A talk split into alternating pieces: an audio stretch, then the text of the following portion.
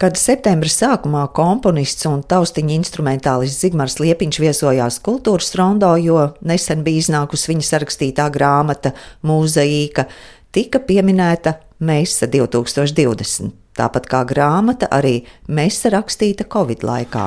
Un mēs, um, jā, nu, tas atkal ir atsevišķs stāsts, kāpēc es to rakstīju. 45 minūšu garš vokāls simfoniskais darbs, ar ko spēlē Nacionālais simfoniskais orķestris, akadēmiskais kurs, apkalna, divi solisti. Viss liturģiskais, Kirēlis un Glorija Sanctus, Agnus Dei. Viss šis komplekts, bet ir viens bet un atšķirīgais. Es esmu izmantojis eh, tekstu no mūsu dziesmu grāmatas latviešu. Un eh, es esmu saputrojis un jaucis kopā gan oriģinālos latīniskos nosaukumus ar latviskiem tulkojumiem. Un šajā mesā kredo ir latviešu. Kredo latviešu, nu, vismaz man, es personiski neesmu dzirdējis. Varbūt kāds ir uzrakstījis, bet es to nezinu. Bet katrā ziņā es viņai esmu uzrakstījis uh, latviešu valodā. Nu, 45 minūšu darbs. Un kad tas būs dzirdams? 17. oktobrī operā. Manā faktiskajā dzimšanā. Nu, man dzimšanā ir 14. bet nu, tā. Un, um, nu, es par to darbu pats ļoti sajūsmu.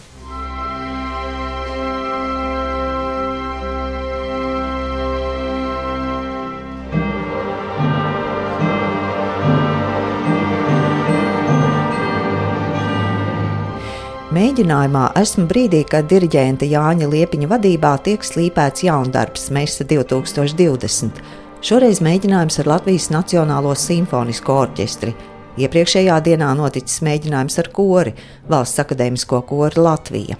Vai diriģents Liepiņš iet mājās un komponistam Liepiņam saka, mūziķi tur to un to vēl nesaprata, un kā tu tur bija īsti domājis, vai jūs uh, varat viņam nodot šos? Uh, Jā, absolūti. Man ar komponistu īstenībā tas pat nebūtu, ja pat arī tas nebūtu mans tēvs. Es tāpat esmu jebkuram komponistam, ja ir pirmskaņojums vai kaut kāds viņa darbs, es, es gribu ar viņu pakontaktēties un zināt viņa viedokli un, un nodot informāciju, kā tā gājas mēģinājumā. Un, Un, zināmā ja tur kāda kļūda atrodas vai kaut kas, vai kaut ko vajag palabot, tad vēl jau mums ir laiks kaut ko nu, jā, nu, izdarīt līdz, līdz koncerta laikam. Tāpēc jau mums ir mēģinājumi, lai mēs skatītos, kā tas viss kopā skan un kā mēs to varam muzikāli padarīt skaistāk un labāk. Un, jā, protams, mēs apspriedīsim un skatīsimies uz nākotnē, lai uz nākošo mēģinājumu jau mēs nāktu ar jau e, jauniem labojumiem un tā tālāk. Šī mēsa tomēr tas ir ļoti nopietns e, darbs. Tas, e, prasa iedziļināšanos gan mūziķiem, gan diriģentam. Nu, protams, bet nu, tā jau es arī varētu teikt arī par pilnīgi visiem skaņdarbiem. Nu, laikam tāds darbs, kur ne, nekas neprasa iedziļināšanos, nu, nav. Nu, varbūt tik daudz, ka vienkārši šis uzliek tādu papildus. Nozīmīgumu varbūt šajā reizē ir tas, ka tā tieši saturiski viņš, nu, manuprāt, ļoti ar šo laiku, kas mums notiek, gan ir rakstīts, viņš, protams, ir Covid laikā, bet šobrīd ir tieši, mums ir šis Ukraiņas karš, nu, tieši tas tā mēs ar savu vēstījumu, protams, viņi šobrīd vēl, vēl tā teikt, vēl aktuālāk un svarīgāk ar šo lūgumu dievam pēc uh, miera. Savā mūzikā domādams par slimības izraisītās krīzes pārņemto cilvēci, komponists pat iztēloties nevarēja, ka mēs atskaņojuma gadā pasauli būs aptvērušas vēl lielākas šausmas.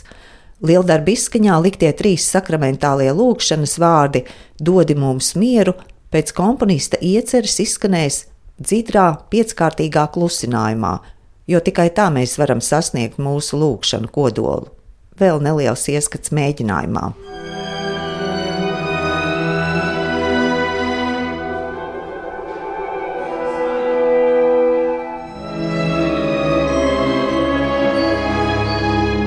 Kā soliste mesas atskaņošanā piedalīsies ērģelniece Iveta Apkalna un divi soprāni - Ilza Grēvelis Karaine un Inga Šļubovska. Zigmara Liepiņa 70. jubilejas koncerta programmā iekļauti vēl divi lieli darbi - koncerts violei un svīta sarkanais mešs. Svīts sarkanais mežs jau sanāca pat šogad, vēl janvārī. Mēs spēlējām viņu Latvijas simfoniskās mūzikas lielkoncertā ar Liepājas simfonisko orķestri. Tas tā teikt, tā, tā svaigi nesen spēlēts vēl, bet vīļu koncerts pēdējo reizi skanēja pirms desmit gadiem. Tas jau bija uz tēva, tā teikt, toreiz bija 60 gadu jubileja. Toreiz spēlēja vīļu solo Paula Šulmane. Un šoreiz interpretēs to Kristīna Balanas. Un, uh, Jā, ļoti interesanti. Gaidu, gaidu tikšanos ar Kristīnu, kad viņa pievienosies mēģinājumiem. Tad jau skatīsimies. Tas noteikti nebūs tas pats, kas bija pirms desmit gadiem. Katrs solis nāk ar savu kaut kādu iniciatīvu un savu arī redzējumu, kā to izpildīt. Bet kādā ziņā man liekas, man tēvam, ka viņš rakstīja to darbu, sapcītu veltītu uh, savam tēvam, kas arī bija violnieks. Uh, nu, tu, man liekas, viņam vienmēr ir svarīga tāda virtuozitāte un tāda, ka tu jūti, ka tas violnieks tiešām parāda visas savas pasāžas, visādas, un tad viņš tā izklausās virtuozi tā skaisti. Jā. Parādās kā tāds eh, tā tēma, jo, jo, jo, jo viola, es, es domāju, ka tas tieši saistīts ar manu vestētiņu, viņa tēvu. Kā vijolnieku, viņam šī violas skaņa un šī violas sola tieši stīga, ko spēlē uz zemās stīgas, ir tāda dvēseles, tāda krauja dvēselārā. Manuprāt, tas ir tas, kas tas tā ir tā skaņa, kas viņam liekas, ļoti patīk. Un, nu, godīgi sakot, man arī man. viņš, viņš uzauga nu, tādu muziķu ģimenē ar savu mūziku un visu, un, ko visu var lasīt viņa grāmatā, jā, vai kā viņš uzauga un kā tas bija. Nu, jā, nu, tā, arī, tā arī es esmu uzaugusi arī ar šīm skaņām, nu, kaut kādā mērā, nu, citām, bet arī jā, mūzikā. Manuprāt, ļoti veiksmīga grāmata. Tur dēlā arī kaut kas ir rakstīts. Pieminēts, ka tāds ir vispār. nē, nē, tur tas nav par mani un tas nav par pārējiem ģimenes locekļiem. Daudz tas tiešām ir viņa dzīves stāsts un viņa skatījums uz to, kā laiki mainījušies un kā tas viss gāja. Tas ir viņas, viņas stāsts. Jā, bet atgriežoties pie pie, arī pie tā koncerta violē. Es domāju, pirms desmit gadiem arī diriģenta interpretācija varētu šobrīd atšķirties. Noteikti. Kā jau tas ir? Noteikti. Un it īpaši vēl man jāsaka. Es tā gribētu domāt, ka no šīs, šī brīža, kur es tagad esmu, ja man nāksies šo koncertu vēl pēc desmit gadiem ņemt, tad iespējams, ka tā atšķirība nebūs tik liela kā Tagad man bija ar to, ko es darīju pirms desmit gadiem, jo toreiz tā bija viena no pirmajām reizēm, kad es vispār nācu orķestras priekšā. Varbūt es pirmo reizi tikos ar eh, Simfonētu Rīgā, un drīz pēc tam man bija šis koncerts, un nu, es nu, biju vēl tāds eh, tā teikt, zaļš gurķis. Eh, es, es, protams, tagad skatos bišķi citādāk uz tām lietām, un, un arī es to mūziku dzirdu nedaudz citādāk. Es gribētu cerēt, ka ir kaut kādas izmaiņas arī notikušas man kā muzeķim pēc desmit gadiem, kad ir, nu, ir kaut kāda es negribētu viņu nosaukt par izaugsmu, bet nu, kaut kāda attīstība notikusi. Nu, kā, protams, tas, tas, tas ir citādāks lasījums. Būs, nu, tam var būt pieredze nākus pa tiem desmit gadiem klāt kaut kādu. Uh, bet, uh, diriģējot tēva darbus, tur ir kaut kāda cita atšķirība nekā jebkuru citu komponistu.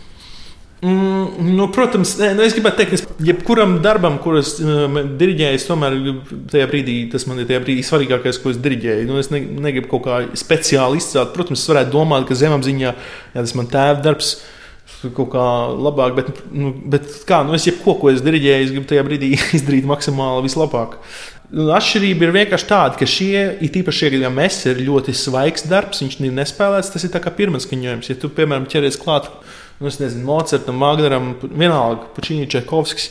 Tev jau ir simtiem ierakstu pirms tam ar pasaules klases interpretācijām, un tu vari smelties idejas vai kaut kādas, tur skatīties, kā viens darīs, kā otrs darīs. Un, un tā, un tur varbūt grūtības, varbūt jau vienā brīdī paliek atrast sevi tajā, un kur tu, kas ir būs tavs ceļš. Un šajā gadījumā es jūtos tā kā, nu, es nevis tā kā man, man ir priekšā balta lapa, kur es varu zīmēt, kā, kā es pats vēlos. Nu, Nu, jā, nu es, protams, ka es, eh, ka es ļoti labi saprotu tēva mūziku, un es esmu ar viņu uzaugusi, un es viņas daudz dzirdējis. Un, un, eh, un es jūtu to, kas, kas viņam patīk, un ko viņš sagaida, ko viņš grib dzirdēt šajās partitūrās, ko viņš ir uzrakstījis. Jā. Kā ir viņa lielās formas, tas viņam ir tuvs, arvien tuvāks. Varbūt. Jā, es jau domāju, jau, jau faktiski kopš 90. gadiem, kad viņš rakstīja jau Parīzes Dienas katedrāli, nu, varbūt jau laikam jau pat no Lāča plēša laika. Es domāju, nu, viņam lielās formas ir tas, kas viņam uh, arī izdodas, viņam tā dramaturģija ļoti labi turās kopā un šie brīdi arī. Mēs, man liekas, ļoti emocionāls darbs. Tas nav tikai vienkārši tāds viens tāds, tāds blāķis, ja varētu tā teikt. Viņš mums arī nav tik garš, tā mēs kā 40 minūtes. Bet viņš arī dramaturgiski ļoti labi nu, kopā kā viengabalains. Tas, man liekas, nāk no tā, ka man tēvs ļoti labi jūt, un viņš ir teikt, izkops šīs lielās formas, rakstījis daudz no operas un, un teātra mūziku. Un, Un, jā, tas viņam, man liekas, šobrīd ir īpaši daudz tuvāk nekā rakstīt nu, trīs minūšu dziesmu. Būt, nu, tā.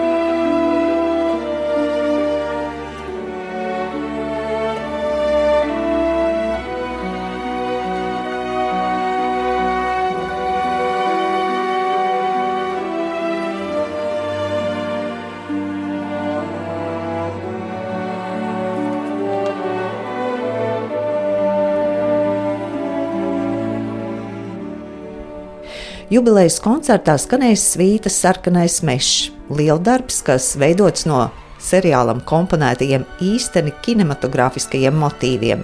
Svītu raksturo Jānis Liepiņš. Nu, viņi ir vizuāla, tā mūzika, viņi, tu, viņi nu, pastiprina to, ko tu redzi tajā bildē, bet viņi tāpat tās viņi ļoti eh, krāsaini un viņi pat par sevi, man liekas, ļoti labi Viņi ir augstsvērtīga muzika arī pati bez, bez tās bildes. Viņi, viņi pastiprina to, kas notika tajā kino, bet viņi arī, nu, redziet, uz to sarkano mežu, ja nemaldos, viņš sarakstīja vairāk kā, nezinu, ko, trīs stundas mūziku. Tur bija ļoti daudz. Ļoti daudz tie motīvi, kas tur skanē. Nu, kādreiz, protams, tas ir vairāk kāda skaņa vai kaut kāds troksnis, kas ir vajadzīgs konkrētajā brīdī, bet daudz kur arī bija šie melodiskie materiāli, melodiskās līnijas. Un, Nu, jā, un no tām viņš tika izveidota tā svīta. Man liekas, tas ir ļoti, ļoti labi. Tad līdz ar to viņš nepazūd kā tāds darbs, kas bija tikai uzrakstīts kā, kā varbūt pavadošs šim kino. Tad viņš šobrīd ir patstāvīgs, patstāvīgs simfonisks darbs. Jā. Jūs, Jānis, tagad esat ieradies uz tēva jubileju vai kāds man, ir jūsu?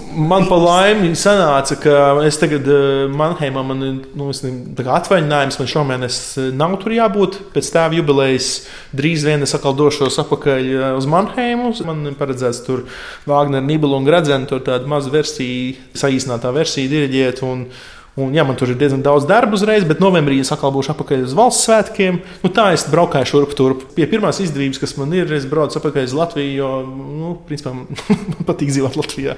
Nu, es, es strādāju tur, bet tiklīdz man tur ir pauzes vairāk kā varbūt kādas četras dienas es braucu uzreiz uz Latviju. Nu, tagad ļoti labi sakrit, un paldies Dievam, ka oktobrī es varu būt šeit un būt klāt ar ģimeni un būt arī driģēt šo koncertu. Jā un nosvinēt arī un tēva dzimšanas dienu, Noteikti. kas droši vien būs ģimeniski svētki.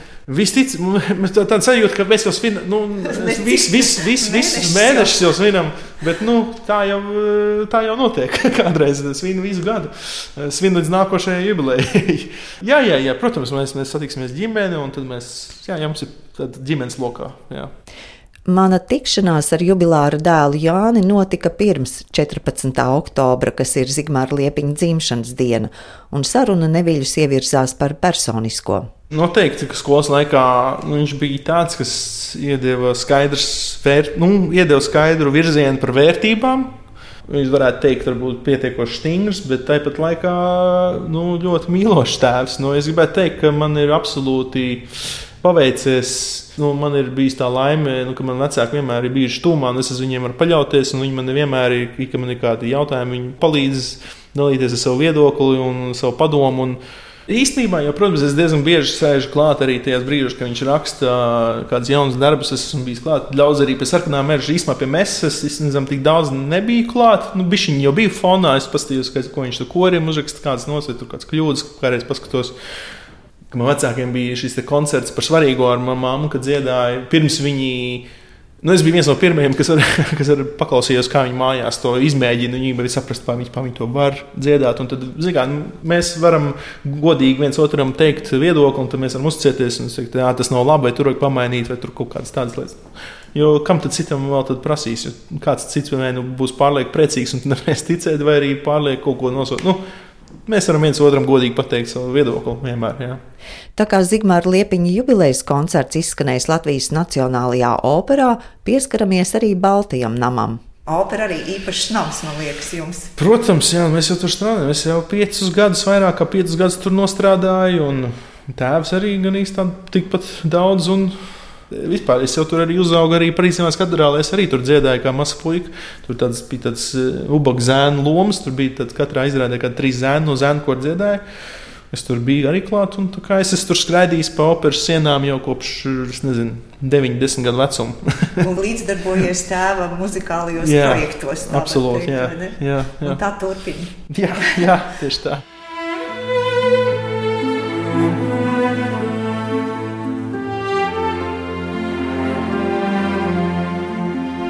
Tā arī Zigmāra Liepiņa 70. jubilejas koncertā atskaņojot trīs lieldarbus, pie diriģenta pulca stāsies komponista dēls Jānis Liepiņš. Līdzīgi kā pirms desmit gadiem, kad diriģēts koncerts violei, arī kantāte Tēvzemē un brīvībai, ārijas no muzikāliem skatuves darbiem. Pēc tam Jānis Liepiņš vairāk kārt diriģējis tēvas atcerētus skaņdarbus.